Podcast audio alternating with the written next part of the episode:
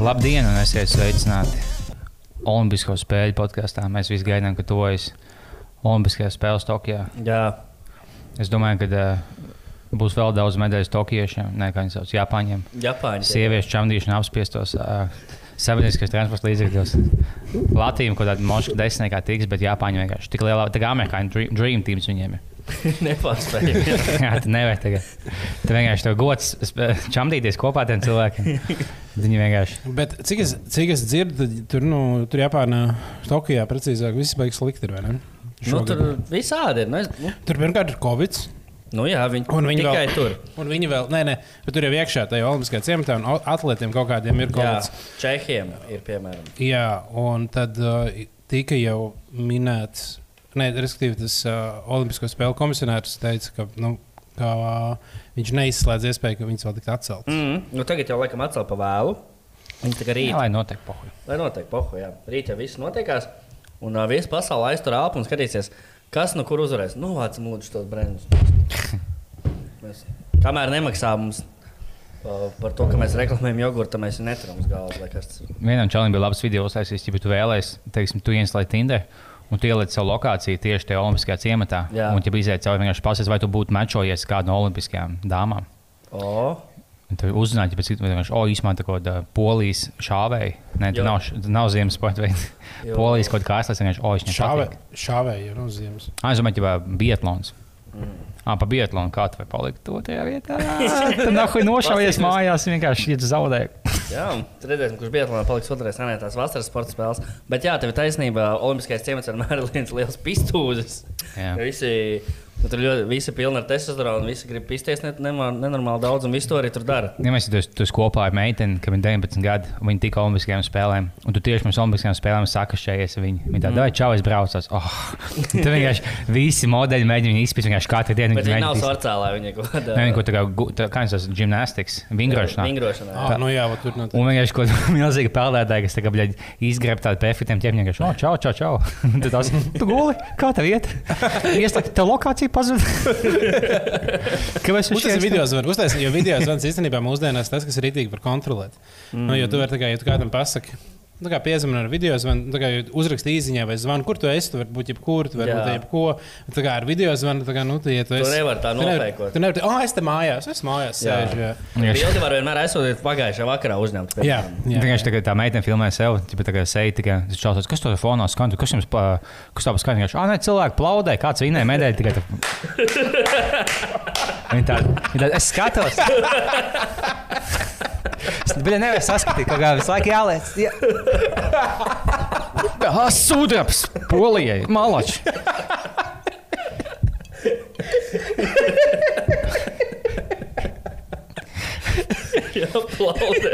Es vienkārši uztaisīju, ka tā daisa dotā vienkārši šalauz kāju pirms sacensībām, tāds ups, tu paliks mājās. Jā, tā kaut kas viens no olimpiešiem man izteica frāzi, ka pagājušajā olimpisko spēlē laikā man bija draudzene, tā bija milzīga kļūda. ļoti, ļoti labi. Tā kā Jā, plus to viens olimpiskā, vai viens mošs, divas tavā mūžā. tā kā. Tas Ā, būtu jā, tā kā. bet- Ka tev būtu uh, long distance attiecības, ka tu, teiksim, tu aizvāc kaut kādu Spāniju dzīvot, un vienkārši tev, tev būtu kaut kāds jauns tīns. Tas tiešām tā mil- tev tiešām jāmīl savu otru pusīti. Ir tīpaši kā čalim, lai tu paliktu Olimpiskajās spēlēs. Jā, tur jau viss ļoti jauni cilvēki. Tur nav tā, ka tad dzīves pieredzējuši cilvēki. jā, kas, veci ir tikai burātāji un jātnieki, man liekas. Jā, vispārēji ir re, reāli jauni. Tas vienkārši kā nu, nometne, li- kā ļoti, ļoti liela sporta nometne. Jā, ļoti liels sports nometnē. Es sen skatījos video par to, ka, nu, kāda vispār ir tā loģistika zem uh, Olimpiskajām spēlēm. Es- Tur bija baigi interesanti, to, ka viņi uz katrām Olimpiskajām uh, spēlēm būvē uh, Olimpisko ciematu. Mm. Un viņai ir kaut kāda lista, kaut kādām 200 lietām, kas tur jābūt. Tur jābūt frizierim, pastam, uh, tur McDonaldam. vien- nu, McDonald's vienmēr tur ir iekšā. Tajā, un viņiem visiem jābūt vienādiem, gan arī ir. Un viņas pilnīgi no jauna būvē. Un Jāatrod arī kaut kādā speciālā vietā, lai nebūtu cilvēkiem, ko tri, ne vairāk kā 30 km jābrauc uz viņu vietām. Ja viņam kaut kāda vieta, kur notiek sacensības tālāk par 30 km, viņam jābūt mm. jauns Olimpiskais ciemats. Ir, uh, lai Tā būtu ciemata ir vairāk tādu. Nē, nu, pārsvarā, piemēram, tādā Tokijā ir viens, pārsvarā ir divi, tad, kad ir Ziemassvētku spēles, jo parasti ir kaut kas, kas notiek pilsētā, visās halēs, mm -hmm. un tad ir kalnā augšā. Tā, kur, un tas tā kā ir tālāk, tas ir kaut kāds 100 km tālāk, tad viņi uzbūvē atsevišķi tur. Bet, tās milzīgas ir kaut kādas, 16,000 cilvēku var dzīvot Olimpiskajā ciematā, un viņš ir pilnīgi no jauna jāuzbūvē. Tajā pilsētā vienkārši pēc tam parādās, ka ir jauns kvartāls plēlis. Tas tā kā kuldīgs. Nu, Viņiem pēc kuldīgā- tam nomirst, man liekas, viss tie ciemati. Piemēram, Nē, kā kurā vietā viņi da, daži nomirst, un, un daži, piemēram, Sidnejā, viņi pilnīgi pārbūvēja to, to ciematu un uztaisīja reāli kā Mhm. jaunu hipsteru rajonu, kurā tagad jau dzīvo tā tālāk cilvēki. pagalms kaut kas tur vietas. Ja? Nu, tā drīzāk kā jaunā teiga. Ah, okay.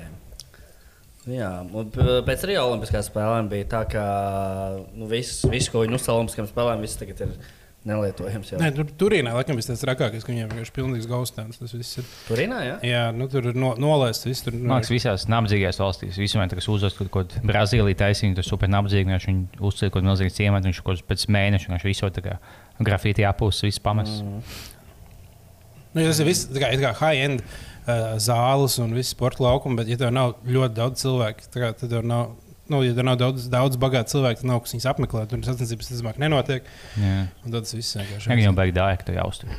Labi, Es, es neko nezinu par šī gada Olimpiskajām spēlēm, tikai to, kas notiek, notiek Tokijā. Kas no Latvijas piedalās un kam ir lielākā iespēja? Lielākā iespēja no Latvijas dabūt medaļu ir mūsu 3x3 basketbola izlasē. Ir reāli tēmē uz Es nezināju, ka viņi piedalās. Olimpiskajās. Kad, nu, Ir, ir. Ir astoņas komandas tikai. Šogad pirmo, pirmo gadu 3x3 basketbols. Ir. Mm, un ASV jā. nepiedalās, un Lietuva nepiedalās. Latvija ir daudz saka, bookmaker, un daudz kas cits saka, ka finālā vajadzētu būt Latvijai un Serbijai galvenās Uh. pretendentes. Kāpēc ASV nepiedalās? Tāpēc, ka viņi netika. Aha. Kā tajā turnīrā, kur Latvija tika, tur ASV netika. Mums ir attīstījies vēl. Tas ir- Tas ir, tas ir ļoti jauns sporta veids. Mm, Viss tāda amatieru salīdzinājums. Jā, pagaidām. Un, uh, bet viņš pasaulē ļoti attīstās. un Es domāju, ka vienkārši tīpaši pēc tā, ka viņš gūs iekļūt Olimpiskajās spēlēs, un tad nu, tā kā parādījies plašākajai publikai, Jā. viņš varētu rītīgi tā kā uzsprāgt. Mums mm. šobrīd tur ir elites līmenī. Protams, ka nākamais Olimpiskajās spēlēs jau tur būs Amerikai būs izlases savākt. Mums tā kā mēs esam tie, mēs esam sapņu komandā. Ah, jā, 28. gadā. jā. Mums- 35. Jā, 35. Jā, nu, jā. Tas kā, vēsture atkārtojas. Jā, jā. Atkal tur Māris Grigals kaut ko tādu. un atkal mūsu iemet vienkārši kā vagonā un tagad ne, nemaksāja biļetes, ka bija pat tai komandai, ka bija jāmokās. Mm. Ab, abu cilvēki, amerikāņi, viņiem tas. Ja tas uh, basketbols tagad ir 3, bet tie bijušie NBA spēlētāji, ko tu- three, jā, saucas, jā, jā. ka tie vecie 45 gadi, tos būs kaut kas, nezinu, kas viņu spēlē, kas Tracy McGrady vecs. Jā. Vienkārši tā kā veca Viņi bija tāds super atbraukt atbraukt uz Olimpiādu. Jā, viņas vajadzēja aizsūtīt, jā. Būs rēcīgi. Jā, tā ir galvenā cerība Latvijas medaļām. Tad vēl medaļu varētu dabūt pludmales volejbolists. Varbūt. Volbo- Volejbolistes. Volejboli- Volejbolistes. Jā, viņas ir diezgan stabili visu sezonu spēlējušas. Vēl varbūt uh, cit- Tenis, vai tenisists mūsu? Tenisists diez vai. Jo tenisistām arī bija tāda izloze, tāda, ka Sevastovai otrajā kārtā var trapīties pasaules pirmā raketa. Okay. Ar, no Austrālijas tas ir diezgan švaki. Nu, Stapenko ir bijis iekāršāk, bet viņam arī kaut kāda pie- 15. pasaules raketa nāks otrajā kārtā pretī. Un tas varētu būt sarežģītākais, bet, ja tie, tiem tiks pāri, tad viss kaut kas var gadīties. Man patīk skandāls, viens, ko es lasīju par šīm olimpiskajām spēlēm, ka kaut kāda komanda, sieviešu uh, pludmales volejbolā, ka viņas dabūja sodu.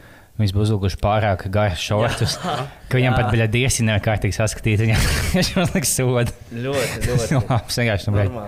Dāmas, vienkārši nu, mums patīk, kā jūs izskatāties. Vienkārši, nu, nevēlas šīs uzvēlas. Jā, ja tur oficiāls nozīmes obligāti vajag bikīnī būt. Ja mums uzvilk kāds tāds gan arī leggings. Man liekas, ka, ja pirms tam likās, ka bija daudz dusmīgi, ja kāpēc viņas kaut tādu vēlāk, bet viņas pašas teica, ka mums tagad nu, visvieglāk šajā spēlē. Bet tam likās, ka vienkārši tu, tu vēlies, ko tu vēlēsies. Bet, ja no, no kaut kādas, bet ja Irānas piedalās, nu, viņiem tā neļaus bikīnī. vilkt. Tagad arī Irānas pludmales volejbols nepiedalās. Man liekas, viņam ļaus tagad šajās. Olimpiskajās spēlēs būs, nezinu, kurā sportā, bet kaut kādā sportā būs tiesnesis pirmā, kas būs ar to hip, hipdžābu, vai kā viņi sauc. To, Jā, oh, un tas tāds leģendārs brīdis būs. Nu, tas leģendārs, bet tāds tā arī transpersona piedalīsies jā. šādā vīrietī, Svecēšanā. piedalīsies starp sievietēm. Ok. Tas vēl, es tieši kā skatījos, bija kaut kas vidīgs, viņš kā analizēts. Jūs teiksim, nu, labi, teiksim, viņš mainīja dzimumu, bet viņš ir vājš vai tāds vidējs, jau pohuļ. Bet tur bija tā, ka saliks pa punktiem, ja top, top 20 čaļus vecālē, top 20 mm. sievietes, viņš zina, ka to čaļu daudz augstāk. Un vienkārši visas sievietes daudz zemāk. Izņemot vienu vecālē, kas vienkārši ir vidējs čalis. Tas nu, super, tas top 10 pasaulē. Vienkārši viņš no sievietēm. Jā. Es tagad, bet, nu, labi, viens dalībnieks, dalībniecei. Bet uh, viņš tik daudz bija dusmīgi, tā, tā, tā populārs klikbeits YouTube. Viņš ka tev tik daudz saka, podkāstos vai video, vienkārši nu, tas viens cilvēks analizēs. Viņš zina, ka tu uzstāsi video, ja oh, ka viņš piedalās Olimpiskajās, to būs vienkārši tagad daudz skatījumu. Mm -hmm. Tas ir nu, vienkārši super apspriests, vienkārši viens, viens cilvēks. Mm -hmm. O, jā, vēl, uh, kas vēl tuviņi pastījušas, kas, Kas mums notiks? vēl, vēl kaut kādas? Šodien vēl bija par uh, šīm pašām olimpiskajām spēlēm, ka antisemītiska joka dēļ tika atlaists. Tokijas atklāšanas ceremonijas režisors. Ko viņš pateica? Viņš pateica, es redzēju, un galvenais tas noticis pirms 30 gadiem, kad viņš bija komiķis kaut kāds. Viņš ir pateicis, tur bija kaut kāda spēle, kaut kāda improvisācijas scēna, kur viņš tā kā pasaka. Viens saka kaut ko par cilvēku izgrabšanu no papīra. Viņš saka, o jā, man tieši stāv pilna paciņa ar izgrabtiem cilvēkiem no papīra. Viņš tā, laikam būs palicis pāri no spēles, uh, sodam ebrejus ar nāvi. Un tad uh, par to joku viņu tagad, lai gan tas noticis pirms 30 gadiem, Bet viņš pateica to joku pirms 30 gadiem. Jā. Un kāds vienkārši kāds atrada to, ka video pirms 30 gadiem, kad nevienam tas nelikās, nu, ne- nevis nelikās aizskroši, bet tas, nu, labi, tas bija aizskroši. Jā. Bet nu, tad tādas lietas jokoja, tas bija tāds. Tā kā, Bet tas bija 90. burtiski. Jā, 90. bet, gados. bet, uh, un tas vēl nav viss. Tātad tikai dažas dienas iepriekš ceremonijas sagatavošanas komanda bija spiesta pamest arī komponists. Tā visa pasākuma. Jo atklājās, ka viņš skolas gados ir ņirgājies par klases biedriem, invalīdiem.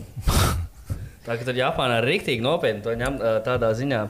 Bet tur kaut kāda research grupa. Katrs cilvēks, kurš piedalās, tagad izpēta visu, ko tu teici publiski, no, nointervēja visus tavus draugus. tā kā Viņš vienreiz krāpa savu sievu prom. Jā, jāsāk, jāsāk domāt, vai mēs neesam kaut ko pateikuši, ko nākotnē. Vai. Nē, es domāju, ja Rīgā notiks Olimpiskās spēles, mums nedos pielaidīs pa tūmu lāpu. Vienkārši Man tagad, nezinot, kas esmu, man piedāvā vadīt paralimpiskās spēles. nu, Komplikācijas 6,5 stundu. Invalīdi joki nav bijis. vaļā. Un, un eh, kas ir interesanti, ka tas viss notiek Japānā. Japāna, nu, Japāna ir tāda ļoti interesanta valsts. Tādā ziņā viņi piemēram nav atvainojušies baigi par to, ka viņi otrajā pasaules karā tur gauži Jā. darījuši visiem. Un, eh, un tā viņi parasti pasakā, ka Viņu- nu, mēs to nožēlojam, bet atvainoties mēs negribam. Nē, nu, viņiem arī bija grūti. Viņi dabūja pretī. Ne, viņi dabūja pēc tam, jā, kārtīgi. Bet Nē, viņi ļoti ķīn, viņi kā- mocībai. Jā, Ja tu savāri hoņus un to sasit, viss safe. Tā kā Mm. pa nulēm. Nē, viņas jau sasita. Bet jā. vienkārši jā, ja smieklīgi, ka kaut kādā vāciešā mēs tik šausmīgi atvainojamies. Mēs vienkārši tā kā nekad neviens nebūs tādā situācijā, mēs, ka vienkārši mēs esam atvainojušies. Vienkārši jāpaņem, ja oh, jūs tagad bijāt būtiski tā kā dubult nācis, vienkārši jūs tagad zāģējat galvas zīdēju nos un tādu. Nē, tas tā ir dzīve. uh, viena no galvenajām. Tāda laika. Viena no galvenajām uh, disciplīnām. Olimpiskajās spēlēs ir 100 metri. Sprints, un uh, sievietēm tur bija ASV pārstāve ļoti spēcīgs kandidāts Šakarija Richardsona. Un, uh, viņa uzvarēja ASV atlasē, viņa būtu galvenais pretendents uz zeltu. Bet viņa mēnesi pirms Olimpiskajām spēlēm dabūja pozitīvu testu, kur viņai uzrādījās marihuāna. Domāju, cik ļoti viņai gribējās uzkurīt laikam. It kā Pohu Olimpiskās spēles. Laucam. Bet, ja mēs, ja viņi ir no Amerikas un viņai štatā ir legāli, Jā, un kāpēc viņi nevarētu Olimpiskās spēlēs Nu, tur kaut kā laikam savādāk mē- mēra sportistiem to. Viņa jau nevar, viņa jau nedrīkst to darīt, tāpēc, ka tas to aizliedz sportistam. Nu, jā, bet ja viņi ir nedēļa, nu, es, sa- es saprotu, ka viņi. nu, Ko, ma- ko tas, ka tas uzpīpēs marihuānu Man jau mēnesis. Mēnesis. Mēnesis. Ko tev kā sprinterim uzlabot tas, ka tu esi sakurījies? O, būs lēnāka Var. reakcija. Jā, stāvi tu un skriestā.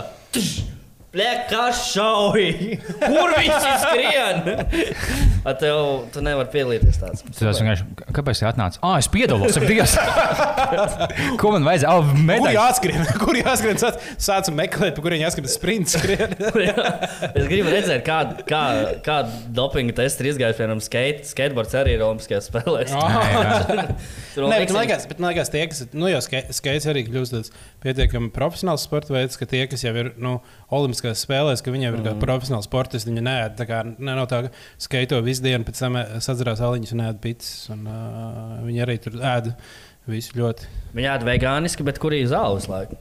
Nu, tas arī, jā. Tas gan, tas gan. Ja, ja man jāiz- jāizvēlas viens kā sportisks hobijs, es teiktu, ka basketbols būtu top 5 no zāles pīpētājiem, mm. bet skate, nu, skateboard, mums liekas, nu, to obligāti jāpīpē, lai skaitot. Snow, kaut kādam vienam snowboardistam arī līdzīgi bijis. Ir, Tas jau tas pats, jā. Zelta medaļa atņēma. nemaldos. Nu, Vēl jau cik, cik no Džona Rogana podkāstiem dzirdēts, ka arī cīņas sportā ļoti.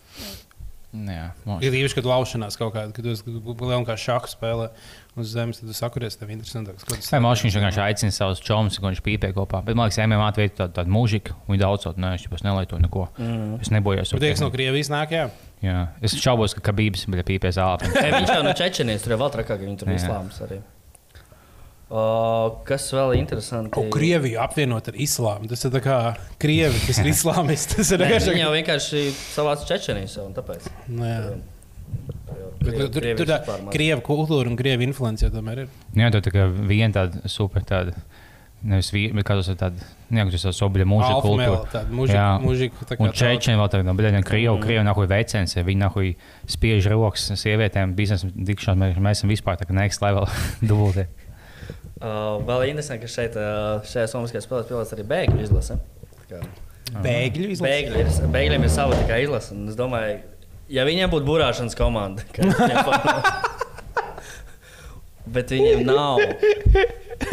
Man liekas, viņiem vispār nebūtu konkurēta. Jā, jā viņiem šīs. Tur tur ir liela ā, pieredze. nu jā, tur ir daudz, daudz tādu variantu, kur ir uh, kur, no dažādām valstīm, kur viņi aizmukuši un viņi pārstāvēs visu zem viena, viena karoga. Un viņiem ir arī cerības kaut kādas tur medaļas dabūt un, un tā. Ah, tas, kas man liekas, nu, interesanti par Olimpiskām spēlēm, ka uh, viena no skatītākām lietām Olimpiskām spēlēm ir peldēšanas sacensības. Bet, uh, nu, tas ir tā kā vi- vien, viens no top skatītākajiem, jā, bet visu gadu pārējo, vai visu pārējo laiku, kad viņiem notiek kaut kādas sacensības, neviena viņa neinteresē. Viņam ir nenormāli zem reitinga un vispār kaut kāda pilnīgi randama lieta, bet tad, kad ir ol- nu, Olimpiskās spēles, tad viss to nu, jāieslēdz peldēšana. Jo viņi ir interesanti, līdzīgi kā sprints, interesanti skatīties. Ir, bet, nu, tas nav nekas. Nav nekas tāds. Tur nenotiek akcents kaut kāds. Nē, nē, tur, nē, tā jau noteikti. Tas ir kā pateicis, ka sprints ir nu, tā kā interesanti skatīties. Bet vienkārši nekur citur nekad to nerāda. Un tad- Jā, bet tu peldēšana nav ko tur slam dunk vai ne? Nu, jā. savos vārtos. Nē, tas jā, kaut tur vienkārši kā. tur redz, kā viņš bija viņa Jā, ātrāk. un viens ātrāk par otru, baigi interesanti. Plus, ja, es minētu, es teiktu, ka peldēšanā ir diezgan liels sieviešu skatītājs skaits. Jūs tagad nu, tā kā softcore porno no sievietēm, jūs tās tā kā super labā fiziskā formā čalis un tajā spīdo apspēlētajā. Man liekas, tu esi kaut tu, tu esi sieva, kam vīrs Vēl skatās. slāpes, tev arī tā kā viss muskuļi atspīd. vēl Jā, viņš vairāk ir klusais vai šito te. Tas. Tas tikai čaļiem būtu kaut kāds, nezinu, pludmales volejbols. Volejbols, jā. Jā, tas ir čaļiem, ja nu, bļet, cik skatās sieviešu pludmales volejbolu, teiksim, cik viņi biļetes izpārtot sezonas vidū, gan jau netik daudz. Vīriešu plud- pludmales volejbols. Bet, ne, bet, saka, nu, bet vīrieši skatītos sieviešu pludmales volejbolu. Nu, jā. es, es skatīšos, man nav ne jausmas, kas piedalīsies. Es nezinu, kāpēc. cīnās par medaļām. Tad jāskatās obligāti. Atbalsta savējiem. ne? Bet nē, arī, piemēram, man liekas, nu, tāds, tādu nu, interesanti likt ir, uh, piemēram, uz sprintiem. Atcerieties, ka mēs Liepiņu kuldīgā bijām. Ah, jā. Mēs aizgājām kuldīgā, notiek Katrīnas kausa, tā kā manēžā mēs vienkārši aizgājām un mēs likām uz vienu latu. Tā kā nostājās visus sprintu vai uz skriešanu, tā kā skaties uz viņiem visiem, tā, vai es ņemšu to, es ņemšu to, un kurš tā kā, nu, nu mēs abi izvēlamies vienu, un kurš apsteidz, apsteidz otru, tas plus viena ir, plus viena lata, tad vēl bija lata. Un tad mēs. Tad jūs, tad- tad jūs noklausījāties kāds un uztaisījāt savu totalizatoru kantu. Un tā mēs kaut kā, un kā vis, visas tās sacensības tur notiek entieti skrējieni. Un tad beigās ir bilants, tu izēji ārā un kā, un tas tur piecīt, vinnēs vai zaudēs. Un tad bija ļoti interesanti. Kā, ja jūs gribat savākties uh, Olimpiskās spēlēs uz sprinta sacensībām, tur ir daudz skrējienu. Tad, tā kā, bet labi, tur, tur tas zina visus, tu vēl vari tagad, Jā. o, skrien, Mums bolts, tā tev kā- pilnīgi tad- Pusēns balsais nepiedalās, tāpēc būs Man nē. Nu jā, bet vienā, labi, tur ir, laikam, nezinu, neviens cits sprinteri. Bet, ka mēs, ka mēs skatījāmies Kuldīgā, un mums bija tā kā viena ambitieša kaut kāda skriešana. Un tad čalīši nostājās, un viņi visi bija tādi vienkārši tā kā maikā, šorts, vienkārši tā kā es tādu čalīšu kā čalīši. Un tur bija divi, tipi, vienkārši tā kā super, jau Latvijas, jau Latvijas tīma, Latvijas tīma. Jā. Tā kā, tā kā ideālā kostīmā, tāda maksimāli, tāda, nu, viņi izstāsta tādi visoficiālākie. Es vienkārši odvaļu, ja es ņemšu to, jau daudz, bet, ja tu paņem gan jau vislabāko, un šādi labi, es ņemu to otru, bija kā divi Latvijas formā, šādi labi, paņemšu otru. Viņš viņi divi bija kā stabili pēdējie. Viņi nemācīja, viņi kā es, es būtu, bet es būtu bijis viņu līmenī. Bet, ģipā, bet, bet manējais bija kaut kāds 9 no 10, tā bija 10 no 10, tās es vinnēju Latviju. nu, ko es čalīju, vienkārši bija biksēs, džinsos, vinnēju. vienkārši kaut- Tie vienkārši tā kā bagāts senči, vienkārši uzdāvināja kostīmus. Jā. Bija. Un viena svarīgākā lieta Olimpiskajās spēlēs, tas simboliski ir olimpiskās liesmas aizdedzināšana, kas ir vienmēr tas liels gods to darīt. To darījuši visādi ļaudis. Un vēl pirms tam, kad aizdedzina to liesmu, nāc pa to lāpu ar uguni, ja, mm -hmm. aizdedzināt. Un ar to arī vienmēr bija baigi jautājumi. Nevis vienmēr, bet bieži bija kaut kādi interesanti atgadījumi. Piemēram, Pagaidām viņi vienmēr no tā Olimpijas kalna aizdedzina. Jā. Un Tagad viņi ir uz Tokiju tāpat, tā kā ved Nu jā. Laikā. Ja? Jā, Nu, jau es nevienā vispār nedzirdēju, nevienā ziņā, nekur. nekur Nē, labi, es nezinu, kā šogad veda, bet man parasti tur nodod no rokas rokā. ne? Bet viņi, bet viņi vidēji izdegot 20 reizes. Šit- šitas, jā, un, bet vispār, kas to izdomāja, šo olimpiskās lāpas nodošanu? Tā kā, Nacisti. Pareizi. Ah, jā? Tieši tā. Tas bija Ā, jā, viņiem patīk lāpas, jā. bet Viņiem patīk, visticamāk, Tas, tas radās uh, Berlīnas Olimpisko spēļu laikā 36. gadā, un šo tradīciju saglabā līdz mūsdienām. Tad bija Hitlers iesāka, aizdedzināja, Jā. un mēs nesam viņu lāpu mūžīgi. Viņa ideja dzīvā mūžīgi. Un uh, pāris ļoti labi fēli ir kā, tā svēta uguns, iedegta tur Olimpa kalnā, vai ne? Tāda visa nodas. Un Sočos izdega tā lāpa vienreiz. Un puikas vienkārši no malas šķilto vai izdedzināja. Bet viņiem, jā, viņiem ik pa laikam izdeg, pu- jo viņi ik pa laikam kāds procesiem vienkārši pieskaņu speciāli apgāžu, speciāli Jā. Tā man- Jo, Bet bija cik... vienmēr tur ir rezerves tipa, tas, kurš iepriekš nezināja, to vēl patur. Bet Krievijai bija tā, ka viņi neuztaisīja to rezerves akānu. Un, protams, tā galvenā Vienkārši- iedega ar šķilto vai Tā cīņa vienkārši. Tu ir klāt. Ah, jā, šo, šogad arī ir viņi 25. martā uzsāka skrējienu. Patīk, viņi ā, iznīcināja nacistus. Vienkārši, un tā, zinām, pēc otrā pasaules, kara vienkārši tā soģiba, kā mēs ļāvām Eiropas vidū tādām šausmīgām idejām izplatīt, mēs vienkārši pilnībā iznīc- iznīcināsim nacismu pašā visā, visu viņa idejas. Tā kā holokausts bija būtu nelegāli noliegt, mēs visi iznīcinām. Bet, lai, nu, izņemot tās lāpas, tas, tas bija stilīgi. vienkārši Nē, nu, labi, vēl jau Hitlers uh, uztaisīja autobāņus, un vēl, vēl nacisti uztaisīja fantu. Malači. O, Jo na- nacisti uztaisīja fantu, tāpēc, ka viņi nevarēja. Uh, nu, tā, uh, bija laikam ļoti populāra ko- Coca-Cola, un nevarēja vairs dabūt Coca-Cola, un tad viņiem vajadzēja kaut ko savu. Tur bija kaut kas tāds, bet, jā, respektīvi, ka, nu, fantu izgudroja nacistiskā Vācija, tāpēc, ka viņiem nesūtīja kaut kādas citas limonādes vairāk iekšā, viņiem vajadzēja izdomāt kaut ko savu, un tā ir reāli arī nacistu lieta, ko mēs tā kā izmantojam un izpriecājamies. Tā kā ja jūs redzat kādu zielu dzerot fantu, tad, uh. Bija tas stāsts, ka kādam žūkam, kam, kas bija padomu savienībā, kas ģenerālis, viņam ļoti iepatikā skolu kādā laikā. Bet, nu, viņš, viņš, ka, nu, bet tu nevari tagad publiski dzert kolu, jo tev vienkārši tas būs kapitāls lielākā kompānija. Mm. Viņam tieši viņam speciāli taisīja caurspīdīgu kolu, lai viņi izsāktu šņābi. Viņš vienkārši kā kāpāja, kā, un visiem likās, ka viņš dzēr šņābi, tā kā 0,5. Tā kā Nopietni? normāli, jā, jā. Viņš vienkārši dzēra kolu paklusāk. Tas, un, jā, viņš, nu, šī tāda glāze šņābi izpist, tā kā mītinga video viss tāda. Nē, tas ir jau labi. Ar Kā viņš ir? Viņš ir krievs ar visiem. tos, Man, o, tas labs krievs. Viņš ir īsts krievs. Vienkārši nulpēc, labi, vai es mācu tālāk. Viņš jau, "O, ne- nevajag kādu paķitām mašīnās, un bija žūkaus, nezinu. Kāda jūtas? Nē, tu viss labi. bija. Tas enerģijas daudz. Sazēries. Cool. Uh, vēl par ļoti interesantu gadījumu bija, man liekas, tas bija. Tok, nevis Tok, jā, varētu būt tās pašas Tokijas Olimpiskās spēlēs iepriekšējās. Kad bija pēdējā reize Tokijā? 72. es negribu 64. man liekas. Kaut kad sen. Kaut kad sen. Pirms mūsu ēras. Un uh, bija tā, ka tur dedzina uh, pirms tam. Ah, nē, tas bija Seulas Olimpiskajās spēlēs, o, 88. ja nemaldos. Un, ķipa, palaida vaļā 20,000 baltos balvos, tā miera zīme, lai viss pasaulē ir skaisti. Un aiz- palaist tos balvos vaļā, un pēc tam iet dedzināt to lielo lāpu, un tur kā balvoši. un viņa aizdedzināja. Un uh, teica, stadions vēl ilgi smirdēs pēc degošiem balvožiem. Tad ir balāža aizdegās un lidoja vienkārši tāda degoša balāža. Tas varētu būt diezgan masīvs spēles, viens no lielākajiem, kas ir uh, Olimpisko spēļu laikā. Tāpēc nelaidiet vaļā tā balāžas, tāpat neķeriet viņus vienkārši. Jā, tas ir interesanti. Lieta par Olimpiskajām spēlēm ir tas, ka uh, nu, kādreiz tas bija normāls prestižs, ka tavā pilsētā varēja notikt. Bet tagad, senāk uz 24. un 28. Olimpiskajām spēlēm, ir pieteikušās kā, viena pilsēta. Ne uz tagad, uz 32. gada bija viena pilsēta, pilsēta Brisbane kandidēja, un, un aizvakar paziņoja, ka tur ir notiks Olimpiskās Jā, spēles. jo arī tāpat bija Losandželos, vienīgā uz 4. kandidēja, un Parīzē vienīgā uz uh, 28. kandidēja. Un, nu, vienkārši, nu, tāpēc, ka viņas ir tik nenormāli dārgas un tik, liel, tik daudz taisītas. Kādā valstī ir Brisbane? Austrālijā. Bet uh, Latvija nesen gan arī dabūja iespēju taisīt Olimpiskās spēles Ah, tāpēc, ka, kopā ar Zviedriju. jā, uh, kur bija tas uh, bobslēgs un uh, nu, Jā. kamaniņu sports. Bet tagad vēl iespējams, ka vēl bidos uz 30. gadu Ukraiņas pilsēta Ļuvova. Mm. Tad uh, arī Siguldā notiks nu, tas. tas Un Tad, mu- tad jā, tas sanāk, ka būtu. Nu, jā, tad pēc tā nolikuma būtu. Tāpēc, ka tas ir tik tālu no tās galvenās vietas, būtu atkal Olimpiskais ciemats jāties atsevišķi šeit. Siguldā. Siguldā, kurā būtu jābūt vi- atkal visām tām lietām, kam ir jābūt Olimpiskajā tajā ciematā. Zaibis, kas, kas Piemēram, Piemēram. Siguldā pēc tam? Būs cilvēki taisīt, man liekas, būtu divas labākās valsts, kur taisīt būtu vai nu Taivāna vai uh, Palestīna. Jā. Viena no tām būs uzsēst Taivānā, vienkārši ķīnieši super dusmīgi. tagad, "Nē, Tā nav valsts, tā ir mūsu valsts. Mēs te Speciālā izlozējām, un mums te izkrīt. Būtu tāds gadījums, ka jāizlozē būtu jāuzvar. tev Palestīnā tev vietējais darbinieks būtu ja tie visi atbildīgie. Tad vienkārši, oh, Izraels komanda, ja jums ir jānodrošina Izraels komandas dzīvošana, visa bumbas, visa. tagad.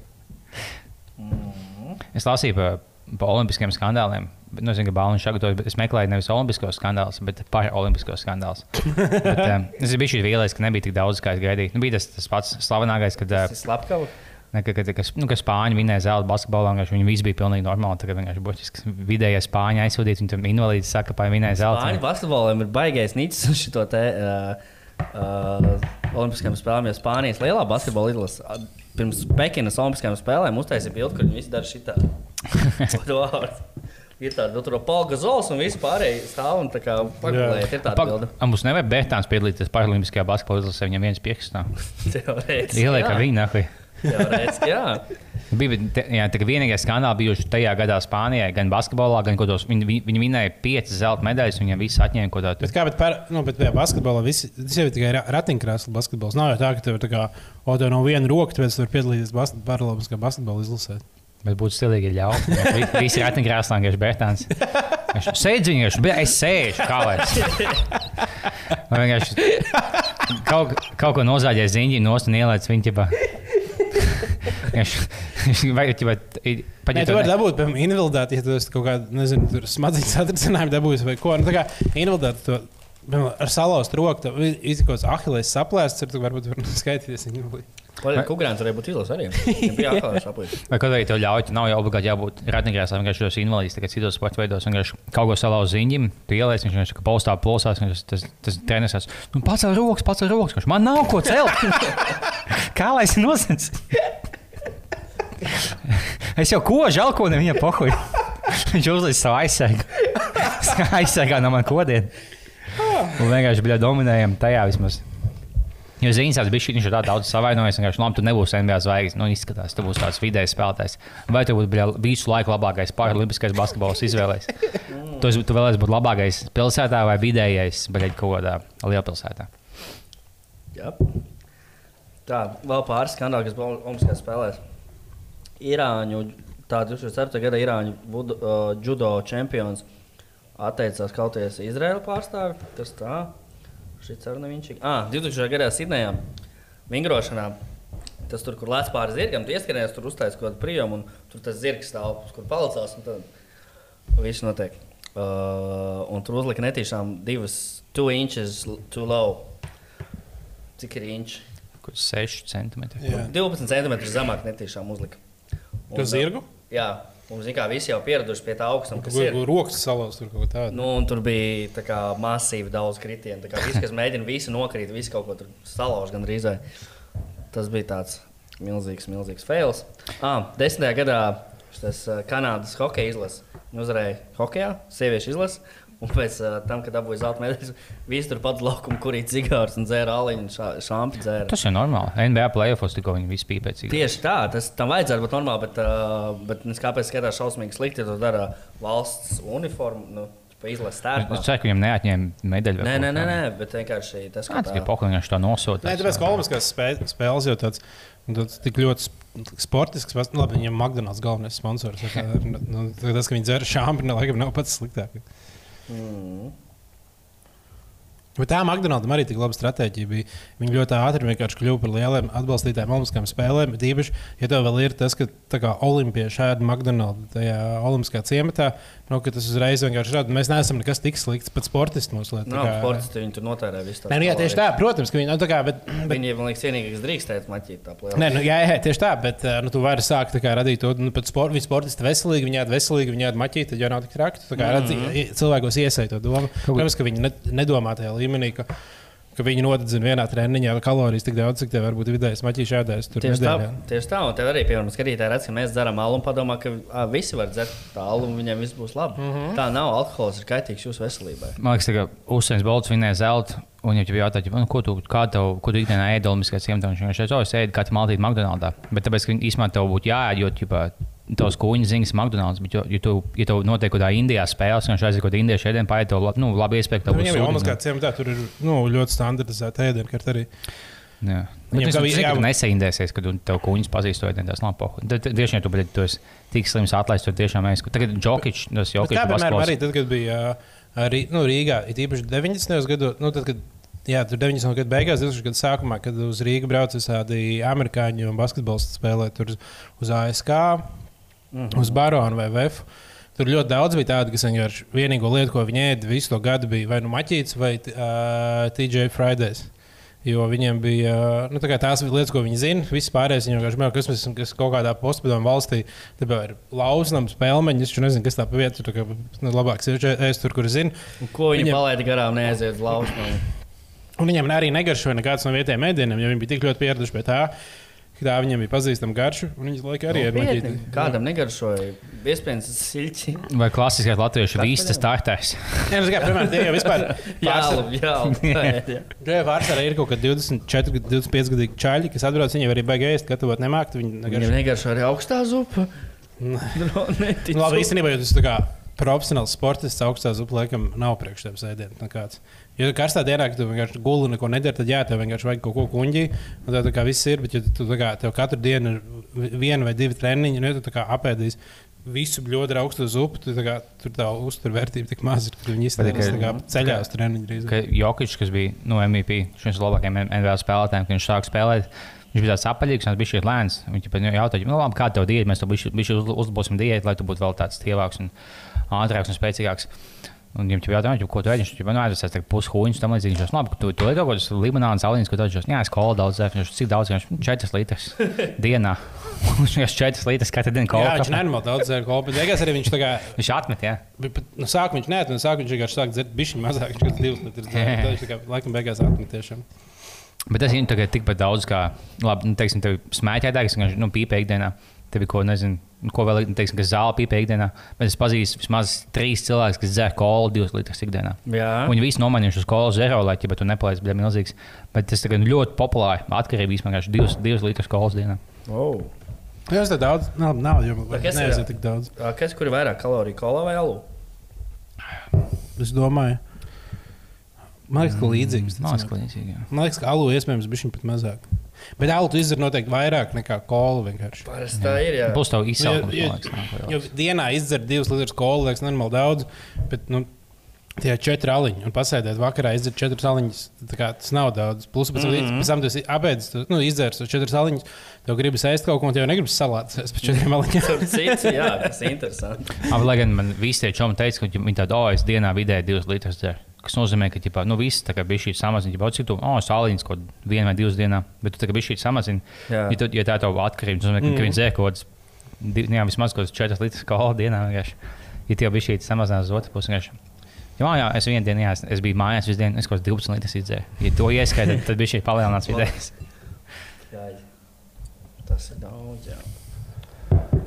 Paldies Dievam, mums, mums nav atkarība vismaz no kolas. Jā. Tā man tagad tiešām vienīgā lieta, ko esmu pamēģinājis, no kā cita paliek atkarīga, un es nepalieku. Kola man kaut kā. Ne, man viņa liekas, ka saldi. Nu, kādreiz man bet, nu, viņa liekas, ka. Jā. Man ir, uh, es, es varētu pilnīgi mierīgi divas litras dienā ledus te izdzert. Mm. Tajā Jā. gan uz pusi mazāk cukurs ir, bet tas vēl daudz cukurs. Ir, tas nav tā kā Kaut maz. kāda aloe vera vai kaut ko tādu. Jā, jā. Bet ledus te, piemēram, šajā karstajā laikā. Kad bija lielais cepiens, tad man tiešām ledustēji bija kaut kas tāds, ko es uh, uztaisīju tajā lielajā krūkā, pieberu pilnu ar ledu. Nu, nevis pilnu, kaut kādu vienu pakaļ ledu. Izgāzu visu, visu to ledustēju. To viņa jau atūdeņojās, kā ja tu, kad, kad puslitru ledu nu, ieliec iekšā, kad viņš izkūst, viņš jau ir kļūst par ūdeni. Mm. Tad ledustēji vēl bija atūdeņojās. Plus tev ir tāds super augsts ūdens, kurš visu laiku tā. tā Es atceros, pagājušajā epizodē bija tā, ka nu, tas tā ledus te glāba dzīvības. Mm. -hmm. Bija nežēlīgais karstums. Un starp citiem, kas uh, nav redzējuši mūsu Patreon epizodi, viņi ir pieejami. Tāpat links ir apakšā. Tur mēs mums ciemos bija Ivars, mums gāja nereāli jautri. Mēs Ivars Ieps. Jā, Ivars Ieps bija, protams, ciemos. Un uh, mums gāja nenormāli jautri. un Mēs runājam tādas lietas, ko mēs parasti publiskajās epizodēs nerunājam. Tāpēc Un Ivars izstāstīja daudzas lietas, kuras mēs nezinām. Jā. Ja mēs jau varam izstāstīt tikai to, ko mēs zinām, bet tajā Jā. epizodē ir vēl vairāk nekā mēs zinām. Ir, ir tās lietas, ko mēs zinām, plus vēl tās lietas, ko Ivars zina. Man liekas, šī bija kaut kāda 20, kaut kāda otrā Pirmā. epizode. jau. 21. 21. Jā, es domāju, ka tev papildus 21 epizode pieejama. Patreon.com. Būs šomēnes, mēs esam izlaiduši divas Patreon epizodes. Tas nozīmē, mēs, Mēs uh, sākam, mēs, mēs, mēs esam uh, ieņēmuši kursu. Mēs uz reāli tagad katru nedēļu mums nāk epizodes ārā. Mums tagad būs viesis katru mēnesi, bļā! Nu, vismaz, Mēs jā. jau zinām nākamo laikam. Jā, Kristaps Borziņš. Tieši tā. Un, uh, Mēs esam pajautājuši to pašu, ko mēs šodien diskutējam. vienkārši. Mošs vēlēs kaut ko savu nozāģēt un spēlēt, un dominēt Paralimpiskajās spēlēs. Vai par to? Vai tu vēlēsies būt atkal vienkārši 65 punkti? Tu, tu būtu kā Will Chamberlain. Bet tā jau īstenībā nu, NBA kaut kāda čaļa tā dara, bet vienkārši braucot uz. Ķīnu. Nebraucot uz Ķīnu. Viņi tagad, ah, nu es. Tur NBA esmu vidē, vidējais fujaks, ai, labi, vai es braukšu uz Ķīnu, vienkārši Ķīnā. Tu, tā kā, tāpēc, ka es no NBA pirmkārt, ja visiem tas nenormāli, ja esi vēl melnēs, tad vispār tā kā tev, uh, labi, izmēr Eiropietis, tagad jau Eiropieši arī stilīgi paliek. Jo īstenībā kaut ko tieši skaties par NBA to, ka, ja 2000. gada sākumā NBA bija labs krūtis spēlētājs no Eiropas vai mm. -hmm. no ne Amerikas, kaut kāds viens, divi, tur bija Dirks Novickis un, uh, un kaut kāds Tonijs Pārkers palielināts. Tad tagad ir rītīgi daudz nu, ne amerikāņu spēlētāju. ir ļoti daudz no Austrālijas, no Kanādas. Ah, jā, divi vienkārši Austrāļiem vienkārši random visādas. Bet ir kaut kāds Dončičs, mums ir Porziņš, ir no uh, Lietuvas, vēl ir kaut kāda labi. Jā, Jā, tas parasti ir kāds viens vai divi daudz. Nē, nevis Alstāra. Ir, bij- ir bijuši labi NBA spēlētāji. kur Jā, Mēs skatāmies, bet, kā, All-Star. bet kā Alstāra, tāda, kas, kurš tu liktu kā no top. Tur 30 spēlētājiem visā NBA. Ja tur tagad skatās, tad tagad, tagad ir daudz rītīgi ārzemju spēlētāju uzkāpuši. Bija tieši tā, kā amerikāņu papis basketbolā, viņš kaut kas bija iemesls, kāpēc viņš nesavāca ģipa, no ģipa, All NBA, ģipa, no top 10 spēlētājiem, viņš paņēma vismaz pusi, viņš viņi visi amerikāņi. Bet kaut kas bija iemesls, ka no top 10, ja tiem All NBA, tev ir divi tikai amerikāņi. Ja tev ir uh, Giannis Dončičs un tam līdzīgi, tad bija kaut kāds Lebrons. Nē, nu, divi. liekas, vajadzētu būt vairāk. Būt, bet, uh, bet katrā gadījumā tagad noteikti ir daudz. Un, tā, un tāpēc arī tas, ka Amerika zaudēja, un iespējams Amerika arī basketbolā vairs nebūs tik dominanta, jo mums sākās mm. vien parādīties. Un bieži vien kaut kāds viens tāds Dončičs var izvilkt ārā to uh, izlasi. Viņam vienkārši vajag pārējo nu, labi izlasīt, labs, labs jau spēlētājs. un- Basketbols, Olimpiskajās spēlēs tur varēs. Es domāju, ka būšu pa. Sloveniju diezgan ļoti. Nu, laikam jau, jā, man tas Dončičs kā nepatīk. Bet, uh, Lai, Es es būšu... būšu- Viņš noteikti patīk vairāk nekā, nekā, kā spāņi vai, vai amerikāņi. Jā, nu, amerikāņi, jā, būs stulbi fanot par amerikāņiem. Es arī gribu, lai amerikāņi uzvar šo Jā, rīktīgi svinēt, pēc tam buhā mēnesi. Manēja zelta dabūja. Nu, tā ir. Tā kā, ne, labi, ja, ja es gribētu rītīgi daudz buhāt, tad, kā, o, Markoņa spēlē, viņi Jā, uzvarēs buhā šovakar. nav bomži, viņi visi no Amerikas uzvar Olimpiskajās spēlēs. Pasaules kā Hārtnes ar Kevinu Durantu un Dēmonu vienkārši šos jobinos poļus apspēlēt. Plus 5, sukas, nahuj, pat nebija tu. Bet jā, es fanošu par visiem, kas spēlēs amerikāņiem. Nu, Jā. ķipa, lai, lai amerikāņi zaudētu. Bet bez viņiem, es nezinu, kas viņiem viņš ir. Austrāļiem viņš ir komanda. bet, Austrāļi, jā, Austrāļi. Ah, jā, viņiem pusiem Ben, ben Simons nav. Viņš man viņš Nigērijā ir stipra komanda, esot arī īstenībā. Nu, viņi uzvarēja amerikāņus pārbaudas spēlēm.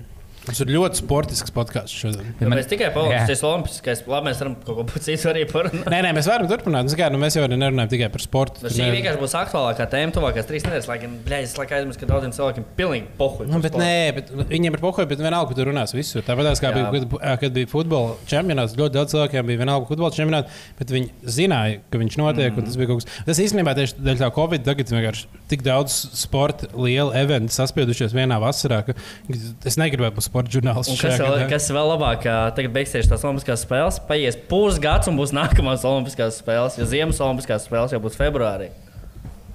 Un pēc tam atkal ā, vasarā būs futbola čempions. Ah, Un tiem, kas, kas netika, kas netika šajās olimpiskajās, jau bija labāk, jo tev nākamās ir tuvāk. Olimpiskās, tev mazāk jāgaida. Jā, jā, tas gan jā. Jā. Labi, pie kaut kā inčīgāk. Vakcinācijas jautājums Latvijā. Jā, kā sapotēt visus? Labi, īstenībā es skatījos, bija tāds grafiks uztaisīts, kur ir uh, nu, no Eiropas valstīm, tā kā, cik procents savakcinēti pa, pa katru vecumu grupu un cik tā kā, kopīgi. Jā, es redzēju, ka Un, uh, un mēs esam tā kā, gandrīz pēdējā vietā, mums blakus ir Bulgārija un Rumānija. Un mēs, tā kā, mēs esam vienkārši bet to valstu Nē, līmenī. pagaidām mēs runājam par Eiropas Savienību. Jā, par Eiropas Savienību. Nu, Jā. jā, mēs visās jomās esam tur. Nu, jā. Bišķi virs Bulgārijas. es, es vienmēr domāju, o, mēs esam bijuši kā Eiropa. Mēs esam tāda jaunā Eiropas valsts. Mēs esam vienkārši joprojām esam kaut kur pilnīgi lauķi. Mēs daudz cilvēks iz- izdomā, nu, es nevakcinēšos, jo man ir stipra imunitāte. Bet par to stipro imunitāti man tikai vie- viena lieta. Tā kā visi, es daudz sportoju, man ir stipra imunitāte. Visās sporta komandās, bet visi cilvēki saslimuši. Viņi arī, viņiem arī ir stipra imunitāte. Viņi arī Bet daudz sporto. visi bez simptomiem, kad ir tie sports. Nē, nu, nu, un, bet, ja tu vienkārši pārnesēsi tādu vīrusu, ļauj viņam Tas mutēties jā. un sasli- saslindināt citus cilvēkus. Tur jau Nu, tā kā- lieta. nu, tā kā Tas jau ir po- pohuļ, ka tev maz kaut kas tāds. Bet jā, patīk, ka Vakcinācija viņš neko. Bet labā ziņa, ka Latvijā visas vecuma grupas ir vienādi aptuveni sapotējušas. Nav tā, ka vecie Jā. ir daudz, nu labi, paši Tas vecāki būtu ir labāk. Tas būtu labāk, ja Žek, es, es, es jokojos, ka es iesāku vakcinācijas sistēmu.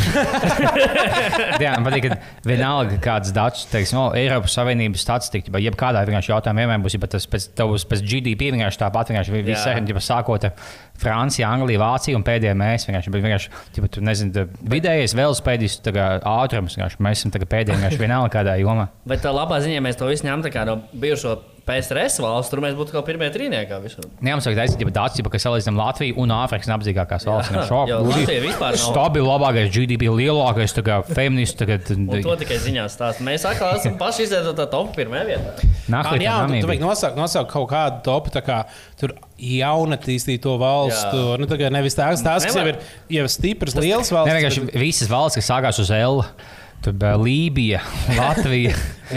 Liechtensteina. Ja šobrīd ir tas, tā kā es nezinu, kādas taicīlas bebrus salīdzina ar Barcelonu un Real Madrid. Nu, No, jo jā. nu, mums tas starta, starta pozīcija mums bija kaut kāds 90. Jā, gads, kamēr pārējiem bija tas 50. gan, Tas gan. Man liekas, smieklīgi, ka viņi tagad.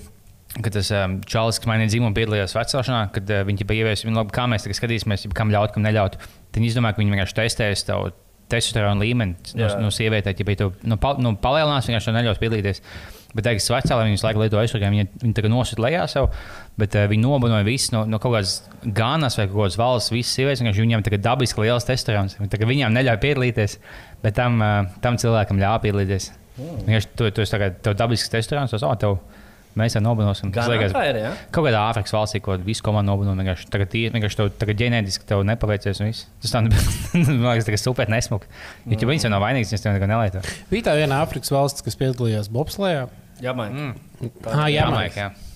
Jamaika nav Āfrikā. Nē, Jamaika ir pie ir Dienvidamerikā, Ziemeļamerikā. gan, jā. Zie- Ziemeļamerikā, pie Kanādas. Nu, viņi ir skaitās pie Ziemeļamerikas. Nē, viņi ir kaut kur pie Kubas. Iegūlēšu. Ap Kubu. Ap kubu, jā, jā, noteikti. Jā. Kuba apakšā, man liekas. pagaidi. Nu, jā, viņi ir tā kā tur kaut kāda viena no salām, viena no tām, tad, laikam, salām. Mm. Tā bija laba filma. Jā. jā. Bet tas ir tikai šeit, mēs to, ka tu esi kaut kādā, nu, tas tā kā, es nevaru, lai mums ir vienkārši visi gadi laiki, tāpēc mums visi sporta, tā kā plus mīnus. Labi, kaut kādā, ka latvieši kļūt snowboardā, kaut kādā slalo, slēpošanas slalomā, nenormāli krūtākie. Vienīgā vieta, kur viņi trenēties, ir kaut kāds gaiziņš. Un Tur ir sava patiesība tajā filmā, jo nu, kā, ļoti svarīgi bobslēgā ir tas, ka tu ātri sprinto. Mm. Un uh, jā, mm. kā sprinteri. Bija vēl kaut kas. Ah, tas jā, jo tev vienkārši jāiestam. Ja tu, tā kā, ja tu labi iestam, tad jau tev tagad tas ātrums visu laiku uz, palielinās, es aizvien vairāk iegrūž. Jā, tā Bija vēl kaut kāda valsts, kur bija viens čalis no kādas Āfrikas valsts, ka tev bija no, viņas, no, no tas vienas valsts, var tikt viens spēlētājs. Viņam vienkārši tik ļoti pohi par peldēšanu, vienkārši būs, neviens nebija pieteicies. Kurš viens čalis, ka nu, viņš iztās ap pūnu, ka mēs mūsu vecumā viņš aizgāja. Viņš bija vienīgais, viņš palaida Olimpiskajām spēlēm. Viņš bija video, kā viņš piedalās. Viņš tā kā tie, nezinu, tie visi četri, nu, sen jau vinēja. Viņš vienkārši tagad viņš knāpa tos 100 metrus. Viņš knāpa nopeldēts. Jā, ir, kaut kāds, ir kaut kādi gadījumi, kad tiek kaut kādi nu, tādi turisti. Tā kā, es zinu, ka. Kļūt kā tikt uz Olimpiskām spēlēm, kaut kādam random fuikam. Es, es to pētīju, kā tikt uz Olimpiskajām spēlēm vēl. Tur vai kāda ir kaut kāda sporta veida, kā to var izdarīt. Tur mainīt pilsonību uz ko dīvaino un pieteikties. Tā, tas ir vieglākais, man liekas. Tu- ja tu, tev ir tiešām kaut kādas disciplīnas, kur tu vienkārši tu vienīgais aizēji. Un viss. Kaut kādās tur maratonos gan jau katrai valstī iedod kaut kādus tur, lai gan es nezinu, kāda ir. Bet tas aizgāja, tev jāskrien. Es gribētu kaut kādā. Jā, bet maratonā tev vismaz jānoskrien maratons, lai tu varētu. šaušanā, ne Šaušana, jā. pistoli tad skaties Nu, jā, tālāk. nu, jā, tāpēc, ka maratons jau tā kā, nu, noskriet maratonu jau ir sasniegums pats par sevi. Nu, tā kā noskriet ātri maratonu, liels sasniegums. Ja tu, ja tu nevari noskriet maratonu, tad viņam ir grūti kvalificēties Olimpiskām spēlēm. Varētu būt, jā. Bet ša, kaut kādā, kaut kādā jāgada šaušana var ātri iemācīties. Vai kādā sporta vingrošanā vienkārši mēs kaut kādā punci aiziet, tās, iespēlētas stāvot, tās, pamāja. Aiziet, bija pārlis pārstās. Davai, es mācu pistes. es mečojos kaut kādā snowboardā, man patīk liela puiša. Esmu vienīgais lielais puisis šeit. es mācu to uzsākt. Īsumā, ja tu esi tāds apaļš, ja tu esi vecālais, tev īstenībā labi, tāpēc, ka tev, vi- viņi visi tādi mazi tie, tādi muskuļaini. Bet, ja, ja daudzām dāmām patīk tāda liela, tāda mūžīga, Jūs man liekas, vislielākā pisē ir svecēlājs. Šķerbatkam labi gājis. Jā, jo tu esi tagad nišā, tu esi vienīgais savā nišā. Rebekai Kohai kā gāja. Ah, jā, apakā viņi piedalīsies. Nē, nē, nē. Varētu uztaisīt- atmet sportu, ka ar to. Pareizi. Varētu uztaisīt uh, kaut kādu raidījumu, kurā aicina olimpiešus. Vienkārši ne, nu, neprasa par to, kā viņiem gāja sporta olimpiskajās spēlēs, bet vispār. Nu, kā bija kāds bija balīts. Nu, kā, nu, dabūju kaut ko. Nu, es tur to, kur dabūju piekto vietu, toreiz. bet tu vari taisīt sev kaut kādu uh, challenge, ka tu gribi. tā Kā, nu, Visas medaļas savā tādā Nu, jā, piemēram, tā kā, ja tu, ja tu pārguli ar kādu, kas dabū medaļu, tie ir 100 punkti. Tā kā, ja zelta medaļa 300 mm. punkti, ja tu kā top 10 savā, tā kā. O, ja tu, me, ja tu medaļnieks izpis, jā, tad tā kā Ja tu esi hokeja komandai, kur dabūji zelta medaļas ārsts, tad var iedot medaļu. Jā, Tā nu. var būt. Treneriem arī man liekas. Es- Ah, nu, jā, tur jau īstenībā dzīvo. Nu, kā, Jānis Kvēps vai kolīdzi sauc. pareizi, vien, jo viens jau tas koms, kas ciemtā dzīvo kā sportisti, bet tur jau vēl ir visi tie, kas ir ar, līdzi ar komandām un uh, dzīvo kopā ar komandām. un Tur jau ir uh, tāda vienkārši parasta fuja, kas vienkārši var ietusēt. Nu, viņiem tāds šīs ir balīšu, balīšu laiks. Labi, nē, ja tev ir laiks spēlēm, iet kā tur ārstam vai kaut kādam tur palīgam, hokeja komandām, tad viņi jau tur nevar arī beigt buhāt. Bet tu vari vairāk kā sportists katrā gadījumā. Nu, tā tad par Romas spēlēm tāds rezumē. Galvenais, ka jāsko līdzi ir 3x3 basketbola izlases pirmā spēle 5 no rīta, 6 no rīta, otrā spēle ir kaut kad pēcpusdienā, 6. Un tā viņam pārsvarā spēles būs Ā, ar bet 9 tagad- rītā un tam līdzīgi. Tagad, ah, no rīta diezgan. Jā. Jo tas, ka tas, ka tas Jap Japānā tas stulbi tām laika zonām, jau saka. Nav tik traki. Nu, Bet, lai gan viss sākas ap 5 no rīta pēc mūsu laika un beidzas ap nu, mīnus 6 stundas. Tur beidzas ap 10. Tad mums ir ap 4-5 beidzas. Hmm. 4 vēl kaut kas var notikt. Tāda. Nā, nu, no rītiem varbūt jā, būs Jā, jāskatās kaut kas. būs agrāk jāceļās. Tā, ka tie, tie kas fano. Jā.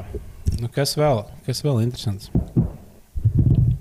Bet, jā, kopumā, ja teiksim, ja tu, uh, ja tev ir Olimpiskās spēles fonā, jūs vieglāk vienkārši oh, ja uzliekam kaut kādu sporta veidu, tad vienkārši tagad diezgan pohli kaut kāds, nezinu, šķēpmešana. Bet, ja, ja tu kādiem čomiem skaties, vienkārši būtiski, oh, es izvēlos šo fuju, tu viņam šo, tu liec simbolisku naudu, un tu jebko skatīties. Tas ir vislabākais laiks. bet Skatīties filmu un pateikt, vai tuvāko desmit minūšu laikā parādīsies suns. Nu, bet ne filmā, jo tu, var, ja tu zini Bet filmu. Nē, pirmizrādi, neviens nav redzējis. Nu. Nu, tā jau čītot nedrīkst. Un Tu, labi, jūs darāt speciāli par tādām lietām, ko tu neatceries. Nē, tu bet tur vajag kaut kāda, kas notiek tieši raidē kaut kādām lietām. Mm. Vienkārši mēs sēdam vienkārši. Koncertos vai viņš aizmirsīs vārdus? Jā, Nu, kad tā filmā, ja mēs sēdam vienkārši filmas beigās, vienkārši Edgars Bāliņš, ko tā lomā tas biļetes zināja, ķipa, kas notiks. Tu filmējies, tad, ah, nu, bet tas jau bija citā ainā, es nezināju. Bet zināju. Bet Olimpiskās spēles izmantot totalizatorā varētu būt tiešām ļoti interesants. Jo tur varētu, nu, piemēram, kaut kādā viegli atlētā un sprintā tur laiva, bet tur ritīgi var likt. Jā, jā. Oh, vēl viena lieta par tādām mūzikas spēlēm. Ā, Maratonos visādos garos, kas soļošanās, kas viņiem tas nenormāli garās. Soļošana bija zēbis. Jā, Jā, tur Latvijā bija sudrabs vienreiz. Jānis Dāliņš, ne, bet kā viņš sauc? Nē. Dāliņš, jā. Jānis Dāliņš. Nē, vai tu jā? Dāliņš. Bet, uh, Dāliņš. Dāliņš. Es... Mēs dzīvojām uz Jāņa Dāliņa ielas ar Uz Lietuvu. A? Bet vai, bet vai mums tā liekas tagad? Jo, jo liekas loģiskāk āliņš, bet tajā laikā bija viņiem tāda bišķi dīvaināk uzvārdi. Es Es ticu, ka bija. 90% droši, ka, da, droši, ka Dāliņš viņa vārdā nosauks. Es mēģināju YouTube Jā, sameklēt, jā, Dāliņš. jā, Jānis Dāliņš dziesmu. ģipā, Viņš dabūja medaļu, viņš dabūja savu dziesmu. Tagad, ģipā. Jā, es, un es skatījos, ko dokumentālu filmu, tur bija jau viņa dziesma, skanēja fonā. Es viņu mēģināju sameklēt, bet es nevaru Jāņa Dāliņa dziesmu sameklēt. Kā, Tagad, tur bija kaut kāda Dāliņa kājas būs. Tas tāds teiciens. ja kāds sameklē Jāņa Dāliņa dziesmu, labi, es ilgi neesmu skatījies, bet uh, Jā, arī brāļi laivnieki, ko dziedāja tādu. Bija tāda, tāda to tā laika Singapūras. Bet mēs esam soļotāji tauta. Nu jā, visu laiku pīsi pēc vēl viena. Mēs mums atkal kāds okupē vienkārši šos lēnām soļus, prom vienkārši man ciemu atkal izšauja. Soļos nākamo ciemu. Dobļa te nācis, es soļošu atpakaļ. Ja tā nav jēgas skriet vienkārši divas dienas, un mēs vienkārši soļo. Tāpēc mums ir spēcīgi soļotāji gēni, man liekas. jā, Es jā. tikai biju Un kaut Vatikānā vajadzētu būt labiem soļotājiem. Kur viņi tā soļo? Svētceļojumos laiku. Viņi, viņi labi šāvēja, nahuj tiem maziem puikām sejās. Jā, ah, jā Latvieši jau soļo ar zaglonu. Katrs, katrs. Jā. Es tikai kaut kādiem, Āfrikas ciematiem, kaut kāds dīvainais gēns, ka tev tā kā super laba mutācija, lai skriet ilgi. Mums soļošanās pats. Mm. Mēs esam dzimuši soļot. tikai viens, bi- vien, viena medaļa. Tas nozīmē, nu, Divas Dāliņam un Fedējevs, kas Dāliņam bija. Man liekas, Dāliņam arī bija.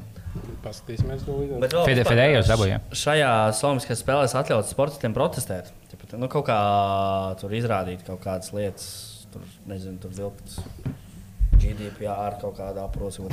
Ja es pareizi. Es esmu kā liels GDPR fans.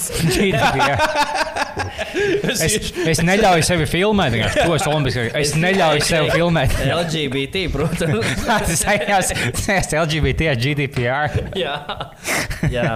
Nu, tā vat notiek. Varbūt kaut kādas LGBT lietas ir likt vai kaut, kāds, ā, kaut kādas lietas, kas norāda, ka pret kaut ko protestē. Ja es tā saprotu, tad drīkst. Un šis gads ir ļoti pateicīgs, lai visi protestētu par visu. Visi Black Lives Matter, Baltkrievija. O, ja kāds būs, ja, Krievija. ja kāds olimpietis kā būs antivaksers, visiem antivakseriem vienkārši būs, oh, my God, olimpietis, viņš ir sportists, un viņš arī ir pret, es arī esmu, es kā viņš, es kā viņš. Šitās var kļūt baigi politiskas olimpiskās spēles. tā ka- Jā. Okay, pagaidi, kas ir, kas ir vislesbiskākais un visgeiskākais sporta veids? Okay, lesbiskākais, man liekas, sieviešu basketbols milzīgā vadībā. Nu, vēl cīņas sports var- varētu būt. Un Svārta celšana. Jā, Bet tas, ne, tas nav lesbisks. Tas ir Neģibā vislielākais, nav- lesbi, nav nekas- lesbiešu skaits tajā Es sportā. nezinu, Jā, nav, nu, kas tas ir basketbols, varētu būt. Varbūt. Mas- Futbols arī neatpaliek iespējams. Bet es tā mīnu, es nezinu, varbūt tā ir vingrošana. Es pat teiktu, ka basketbols vinnē, tāpēc, ka viņam tās sievietes dabas tās lielākas, viešķīgākas. Futbolā mm. tur būtu tāda maza un veikla. Bet vai tas, ka tu esi vīrišķīgāks, sieviete, nozīmē, ka lielākais spēks ir lesbieta? Man liekas, nu, ne visas, bet tā kā tev, ja tu esi tāda viešķīgāka, spēcīgāka, tev kaut kāds gēns, ka tu esi bijis šī nu, varbūt. sūs, tā teikt. Varbūt, jā. Nu, jo tā ir, tā ir ģenētiska lieta, tas, ka tu esi lesbieta vai gejs. Nozīmē, gan jau kaut kādos gēnos, un tas, ka tev kaut kāda gēna noved tev pie kaut kāda sporta arī. Labi, čaļiem, pagaid, čaļiem no, notiek vingrošana vai lēkšana tajā. Vingrošanas, jā. Vai ka tos, kā tos sauc, ka jūs, ka jūs vienādi, to čomu vienādi Tā ielikt? aizceļošana ziemas. Tā ir aizdošana ziemā, jā. Tur, tur Jā, nu, nē, tā aizdošana būtu tā kā īsi atbild, bet, bet, va- bet vasarā nav tik viegli. Es teiktu, sinhronā peldēšana. Jūs vienkārši tur būtu savu boyfriendu mauts laiku ūdenī pēc pīšanās noskaloties. Tas noteikti. jā, un mēs cenšamies abi līdzīgi visu darīt. Pagaidām, baigi tā ir, bet nav nekur jātaisa arī šajās Olimpiskajās spēlēs. Kas vēl paliek? Šaušana diez vai? Man liekas, ka būtu viņš kāds uztaisīt statistiku. Viņš visu laiku ir loģiski, ka tas un tas un tas. un Bet, teiksim, tieši, es nezinu, tieši soļošanā. Tev būtu tā kā milzīgs gejs skaits, ja tev gūši jākustina. Tas būtu viens tās negaidīties. Ja, es domāju, ka soļošana tāda vidēji. Bet īstenībā tā ir viņš ir gūši kustināt. Tev varbūt palīdz, ka tu esi tāds. Kāds Sūs pieradīgs, Jā, tāds jā. jā nu šāds statistikas pagaidām nav. Bet uh, mēs ļoti ceram, ka pēc šīm Olimpiskajām spēlēm būs. Ko vēl mēs varam parunāt? Uh, Nu, es tad varu ātri mazliet noreklamēt vienu savu tādu lietiņu. par to Jā. vazāšanos apkārt. Vazāšanās Vāzāšanās apkārt. apkārt.com. Jā, Ā, tad man palīdz projekts ir audio pastaigas.lv. Tā ir www.audiopastaigas.lv. Jā, tur tu iet iekšā, var nopirkt biļetes pagaidām trīs dažādām uh, pastaigām. Kas Kur? Ir, kas ir tāds, uh, tas ir tā kā, tā kā nu, šī gadījumā tas ir kā teātris izrādes vai tādi, tādi, uh, nu, jau tādi producēti stāsti, kur, kur skan, kamēr te ir konkrēti maršruti. Un tad viens maršruts ir pārdagavā, kur ir par pārdagavas elektroniskās mūzikas pagrīdi 80. un 90. gados. Mm. Tas ļoti interesants stāsts. To es tiešām ies, ie- iesaku iztaigāt. Tur arī var Kur apmēram pārdagavā? Uh, viņš sākas uz dzirciem ielas, tur bija uh, asins donoru centra. Ne, tas nav tas, uh, nu, senāk tur, kur ir dzirciem iela, pie kādreiz bija Rimī, nu, Iļcēmā. Un tad jau senāk iziet cauri tur, tur Nordiķa parkam, vis kaut kur vēl citur pa, pa tiem parkiem. Tur izved pa visādām interesantām vietām, mazām ieliņām. Tādām, nu, tur arī vēl stāsts par tām ieliņām. Tur cilvēki, kas tur dzīvojuši kaut kādā taisījuši underground mūziku. Tas ļoti interesants ir. Tad ir uh, nu, pa centru var iztaigāt, piedzīvot okupācijas gadus, kā divi, divi cilvēki. Kā, ko nozīmē piedzīvot? Tev ievad pagrabā. Jā, nē, tur ir, tur ir tu klausies divu cilvēku stāstus, kas ir īsti stāsti no okupācijas muzeja ņemti. Viena ir no aktieris, ir, un otri, otrs ir īsti izgriezumi no cilvēka sarunas, kas piedzīvoja visus tos gadus. Kā pirmo reizi ienāca iekšā, nu, kad tur bija piemēram to, ka um, tad, kad ienāca iekšā. Krievi, un mums ir tās bildes, kur visi priecājās. Lielākā daļa cilvēku, kas priecājās un fanoja, viņiem bija samaksāts. Mm. Tā kā, tur nebija tā, ka tā kā visi latvieši priecājās. Tie, kas priecājās, visi skatījās viņiem. tā, Mm, Protams, jā, jā. jā. Nu, Tā kā tie nav tādi, nu, tā kā, un tur daudz tās tā kā, no, no tā cilvēka skatu punkta izved cauri Rīgai. Vis kaut kādiem tur nāca nacis, tur nu, kā viss mainījās un kā viss tā dzīve Rīgā. Īstenībā tas, kas bija interesanti, ir nu, pirms okupācijas, kad 30. gados ir dzīve Rīgā bija nenormāli līdzīga kā tagad. Nu, viss tā kā, viss, Tad to mums atkal okupēs. nu, Nē, nu, tas viss jau izskatās līdzīgi, kā mums bija pirms, visi pirms, esam pirmā, pirms Pirmā pasaules kara. Mēs esam tā ļoti tādā līdzīgā. Ja ā, mūsu basketbols izsauc zelta medaļas, tad vēl 4-5 gadi. Viss atkārtojas. jā. Nu, jā. Beigās visi tie basketbols dabūs iet arī karot kaut kur. Nu, jā, tieši tā. Un, tāpēc, jā, audio pastaigās tur var, var, var izmēģināt. Tur var arī noklausīties podkāstu, kurā ir kā, ar tiem autoriem, kas kā vairāk pastāsta par stāstu un kā viņi to visu izdomāja. Un, bet tas tā kā nav viss. Tur nākotnē attīstīsies, un es gribu uztaisīt arī bizu vaļā pastaigā. Viena varētu būt pa kuldīgu, kur mēs Ok. okay. uztaisām, tā kā mēs trietā staigājam pa kuldīgu, mēs ierakstām, ko mēs tā kā kuldīgā redzam, un to uztaisām, ierakstām audio failā, un cilvēki var iet ķipa kopā ar mums pastaigāties pa kuldīgu. Bet viens arī varētu būt diezgan inčīgi par Rīgu uztaisīt tādu bārgājienu. Kurā tev ir uh, ar čomiem, nezinu, trīs čomas savāds. Tad jūs ejat vienkārši kopā, un jums ir stāsts, kur mēs ejam kopā ar viņiem. tā Jā, kā- kā, kā visi trīs kopā var klausīties stumbas? Jā? Uh, nē, tur vajag- visticamāk, vajadzētu taisīt tā, ka tev ir kaut kādā brīdī, tu, tu, tu klausies kaut kādas trīs minūtes, tad jūs piecas minūtes ejat kopā, tad jūs trīs minūtes klausāties kopā. Nē, uz stundu noteikti ir ērtāk, jo iet daudz cilvēku, bet nu, katrs var ausniņās paklausīties arī. Bet uh, nu, var, var, nu, tur, tur mums vēl jāizdomā, kā taisīt. Es domāju, ka mēs tā kā tagad šis projekts palaists, tā kā es gribētu pēc tam. Bija vēl labi tā pasaika Bauskā. Pa Ivaņu Grantiņu pēdām, kur sācis no viņa dzīvokļa līdz viedai, ka viņš bija tieši parka vidū abadījis. Nē, bet īstenībā tā kā bija, bija tāda dzīvē, tāda pirms kādiem pāris gadiem bija uh, kaut kāda saucās vietas, kur. Kur mirst Rīgā, kur cilvēks nu, bija tā, kā, bija, tā bija īsta, īsta pastaiga, kur tu varēji tur kad desmit reizes notikt, tu varēji pieteikties. Un tev izved pa kaut kādām desmit vietās, vietām, kurās ir nomiruši cil cilvēki Rīgā. Ko tu gribi teikt? Un, tā. Jo šeit dzīvo tās, tās meitnītes, Olma, viņa tāda, lūdzu, beidziet! Kur tur bija pusi bērnu lielajā? o, es sameklēju, ka šeit apdienas tas blakus Olmas dzīvoklis. Tad Lūdzu! Nē, nē, mēs, mēs eh, tās vecmētas Olmai iedosim 2% no peļņas. Viņa būs laimīga. Jā. jā, tā kā. Bet, To virzījāmies. Bet, uh, bet, bet, bet plānojas daudz dažādas interesantas pastaigas, un iesim ārā, elpot svaigu gaisu, pastaigāties, būt aktīvi un paklausīties kaut ko foršu pēdējā formātā. viņi ierakstīt īstenībā, drīz vairs nebūs tas patīkamais laiks, kur staigāt. un Man liekas, ka, man liekas, ka patiesībā īstenībā rudens ir patīkamākais laiks, kad staigāt. Tāpēc, ka, tā kā, piemēram, es gāju uh, pa pārdaugavas to uh, pastaigu. Uh, tad, kad, tad, kad, tad, kad ārā bija 30 grādi, un es gandrīz nomiru staigājot tur. Mm. Nē, te ir krūtis. Brauc mopēds. Nē, nē, bija nenormāli karsts. Ah. Un, tā kā, un īpaši tā kā ir karsts, un ja tu stāv uz vietas, ir nenormāli karsts, bet ja tu ej stundu vai divas no vietas, tad tu esi diezgan. Un tāpēc, tāpēc ir forši, ka tu vari iet, kad tu gribi. Tu vari iet arī Ja mēs, ka nakti, būtu, viņi- vai iet vakarā, vai iet agri no rīta. Ja būtu jauni ierobežojumi, būtu vienkārši jāsēž mājās, izņemot, ja tu ej dāvi pastaigās. Tad uh, tikai ļauts ieties pastaigās. Ja tu esi ārpus mājas un svaigā gaisā. Tā visticamāk būs. To es centīšos tā kā nokārt. Kā bija vēlreiz www. Audio pastaigas. Audio punkts LV. pastaigas LV. Noteikti jā, jā, jāuzmet acis un taisam to putekli. Un es uh, Patreoniem varētu uztaisīt kodu ar kaut kādu tur Mhm. 50% Tagad atlaidi. nestāsti, kāds būs kaut Nē, es neteiktu, es nezinu, kāds būs kods, bet, Bet tad jau viss pieteiksies. Bet un- Patreon. Patreon uzzinās, un viņiem būs atlaide, jo, jo mēs mīlam mūsu Patreon. Jā, jā, jā. Uh, nu, vo. Nu, kas vēl vasarā ir pusē? Kā jums kāds jūs vispār? Nu, Nu, jū... jū... Man tikai tagad vasarā sākās, bet tas jobanais karstums, kas bija. Nākamā nedēļa būs Jā, vienkārši es, atkal. es papis mēnesi no dzīves, tāpēc, vienkārši tev, tev tādu sūtojumu. Jūs līdz jūnija vidum kā, nezinu, bija aktīvs un tā tālāk. No Jā. savu pludmali un vēl spēc basketbols. Vienkārši to mēnesi vienkārši pazudu, sēdi iekšā, un ja tagad beidzās, vienkārši bija jūlija beigas. Tas, nu, fuck. Man, man, man ļoti lēni iesākās vasarā, es, es biju laimīgs, vai es, es nebūšu ātri vasarā. Es izbaudu katru dienu. Beigās, bu, mēnesis paiet, un bļaigi. Tās četras dienas bijušas produktīvākas nekā iepriekšējais Jā. mēnesis kopš Jāņa. Jā, tas gan. Tas gan. Bet tā lielā problēma nākamajā atkal būs karsts. Un, uh, Bet ir tā, to karstu, ko viņš te dara visu laiku. būs laikam vismaz viens lielais karst, karstuma vilnis, vēl viens tāds, kā bija. Un, uh, bet nu, vēl var skatīties augustā, iespējams, vēl kaut kas būs. To tā kā paredzēt, kas būs augustā. Nevar. Augstā būs sarunu festivāls lampa. Ah, būs politi cepiens. Wow. Ko jūs cepsiet, vai jūs to nezināt? Nezinu, neko nedrīkst teikt. Neko. Nu, jūs zināt, bet jūs nedrīkst teikt. Mēs nezinām līdz galam. Vai kāds politisks, ko tu vēlētos? Es neko nedrīkst teikt. Vai būs kāds no veselības ministriem? Es nezinu, es nezinu, kur viņi izstrādājas. Pirmā reize tos uzvārdus dzirdu. Ok, ok. Tad labi. Vai būs riepa austas no partijas? riepa austa cepiens.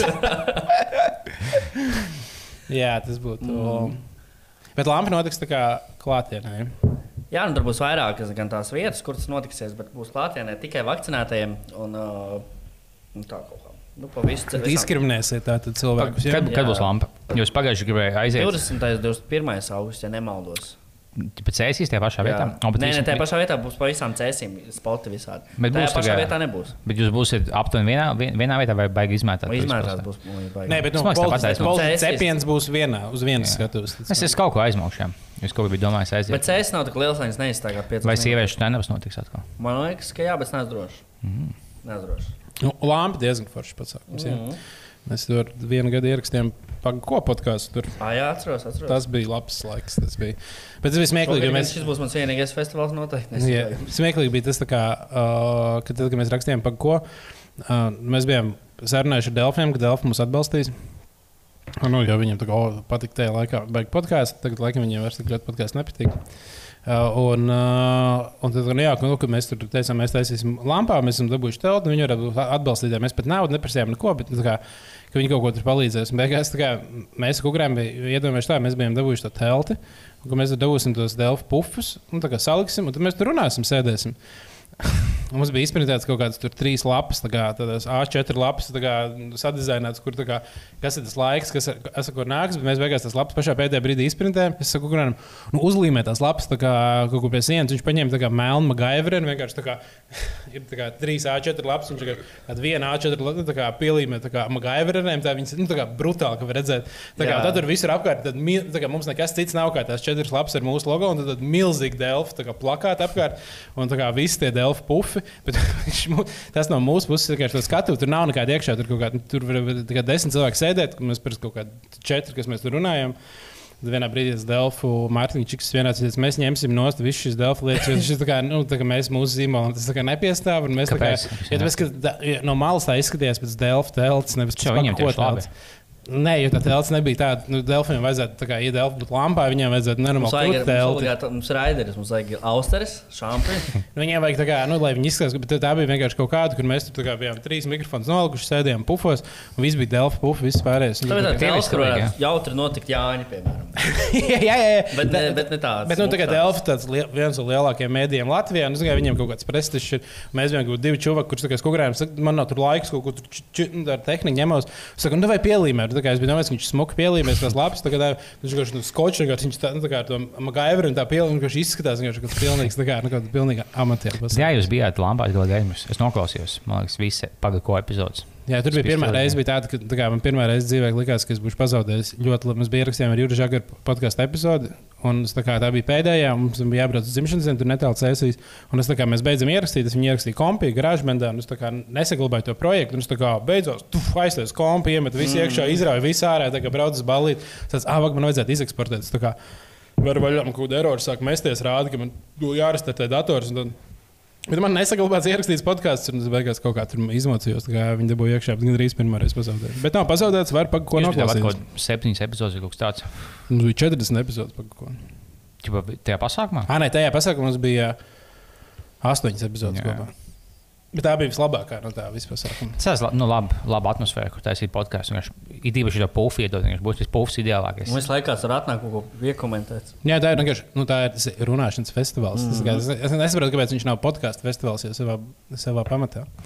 Nu, tur jau vairāk klausīšanās festivāls. Jau. Nezinu, vai. Podkāsts jau arī vairāk klausās nekā runā. Jā. Vai mēs esam nokavējuši dabūt savu telti? Bija vaļā. Es domāju, šo- mēs varētu uz nākamo kaut ko izdomāt. Tādu, caur citu biedrību. Stāstīt. Un tad beigās vienkārši tā kā mēs to pieteikām, visu tādu zolītu, zolītu un aizbraucam. Un Jā, maskās runājam kaut ko par Top 5 gejiskākās diskusijas. Numur 5 sieviešu tiesas Latvijā. Numur 4 ekonomika. Numur 3 LGBT. Visu laiku aicinām uz sarunu kaut kādas tur uh, dalba jau kuriem dodu ārā. Kad, kad fuck no TikTok, kas vienkārši dejo nāk. Visā bija kas tā. Viņš mēs esam Delfi. ja kas mēs esam Delfi ielēs. Nu, jā, Labi, paldies Delfiem. Un, um, bija mums, mums pietiek arī runāt. ne? Nu, bija pāris stundas. Es aizmirsu, ka varam. Delfos strādā. Es strādāju pie portāla Delfa, kas ir mana Nice. labākā darba vieta. ar Tu prieku. ilgi tur strādā. Tu tā kā, Jā, kādreiz, man- kādreiz, gadi. kādreiz mainīja tur tā kā reklāmas aģentūrās. Tas Nevarēja. reklāmas aģentūras tās ir izkasts. Nu? Šis ir. da- mēdīs, kur tu daudz ko Tas dara kaut ko Darīt. jēdzīgu. Jo Jā, reklāmas aģentūras sabiedrībai labu, nevis sabiedrībai sliktu. Tieši tā. Tieši Un, tā. Jā, vajag labi. Taisot- taisot. strādāt. Cilvēki strādā reklāmas aģentūrās un taisīt sliktas vakcinācijas Jā, reklāmas. man būtu visu laiku stress un uh, būtu jālieto sliktas lietas un, un būt nelaimīgs. Un... Tev bija tā, ka, teiksim, tu, tu vienkārši šeit gaidi jau nākamo uzdevumu, ko tev liks, ko izpētīt. Vienkārši atnāk fujaks uzvalk, iedot tādu biezu aploksnēs, uztais par šo tēmu. Ķipā, pohli, ka mēs melojam. Vai tu tā gadījies? Man ir jā, man pats revīzijas boss atnāca un teica, Edgars, tev raksts pagaidām par revīziju. Uz tā es vēl. Tā bija. Nu, davai, čau. Davai, Labi. pisāts. Prom. Sēd futbolu skatīties. Jūs neiesiet futbolu skatīties. Nē, mēs spēlēsim galda spēli. Mm, Bomži. Nākamā. Nākamais.